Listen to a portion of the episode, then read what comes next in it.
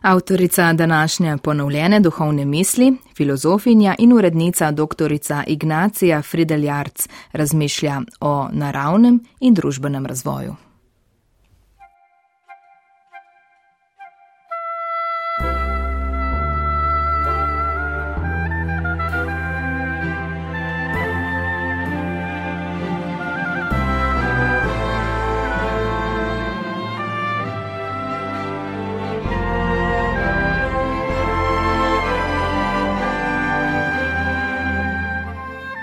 Znameniti nemški filozof Gottfried Leibniz, ki je bil tudi izjemen matematik in danes velja za soutemeljitelja infinitezimalnega računa, je v svojih novih esejih o človeškem razumevanju zapisal: Natura non facit saltus.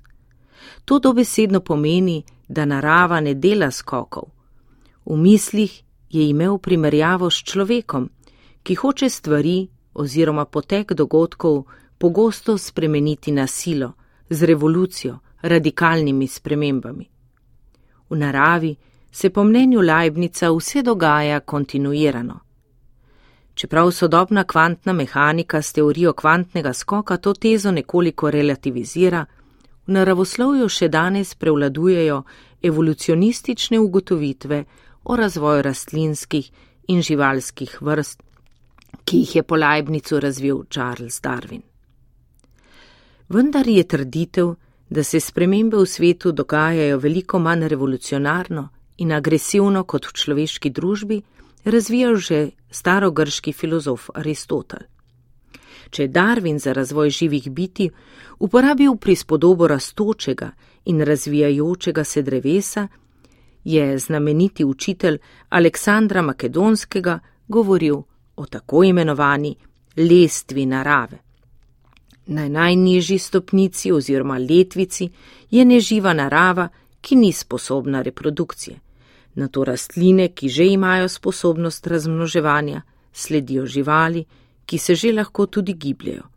Najvišje pa je človek, ki ima poleg sposobnosti razmnoževanja in gibanja edini tudi razum, s katerim lahko razmišlja tej zgradbi sveta, ki izhaja že iz antike, stoji nasproti človeška družba, za katero velja, da rada dela skoke in obrate, vendar bi, karikirano dejali, pri tem veliko krat pade na glavo, da ne zmore več racionalne presoje in se v osnovi dobre zamisli o nujnih družbenih spremembah spreobrnejo v krvavo nasprotje zaradi tega družba nazaduje in ne napreduje. Še veliko je torej stvari, ki bi se jih človeštvo moralo naučiti od narave.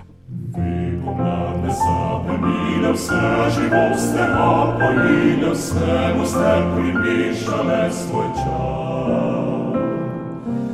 Ruže vse lepo cvetijo, ptice vse glasno žvalijo, kot da ne bi še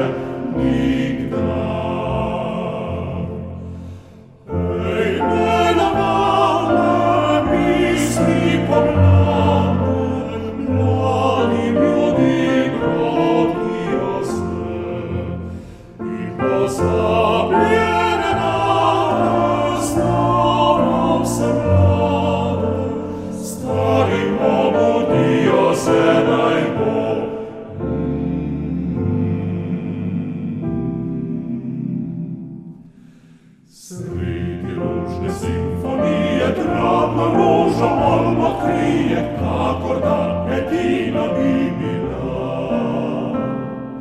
Sridicitio se oculi, Adam iemum sridet coli, Droben serit, usum danza,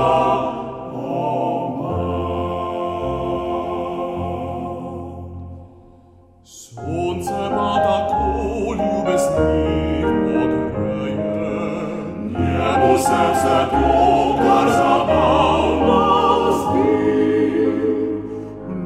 Rabat accusa per iva sedem speie, Mona vidius eres amor maugi.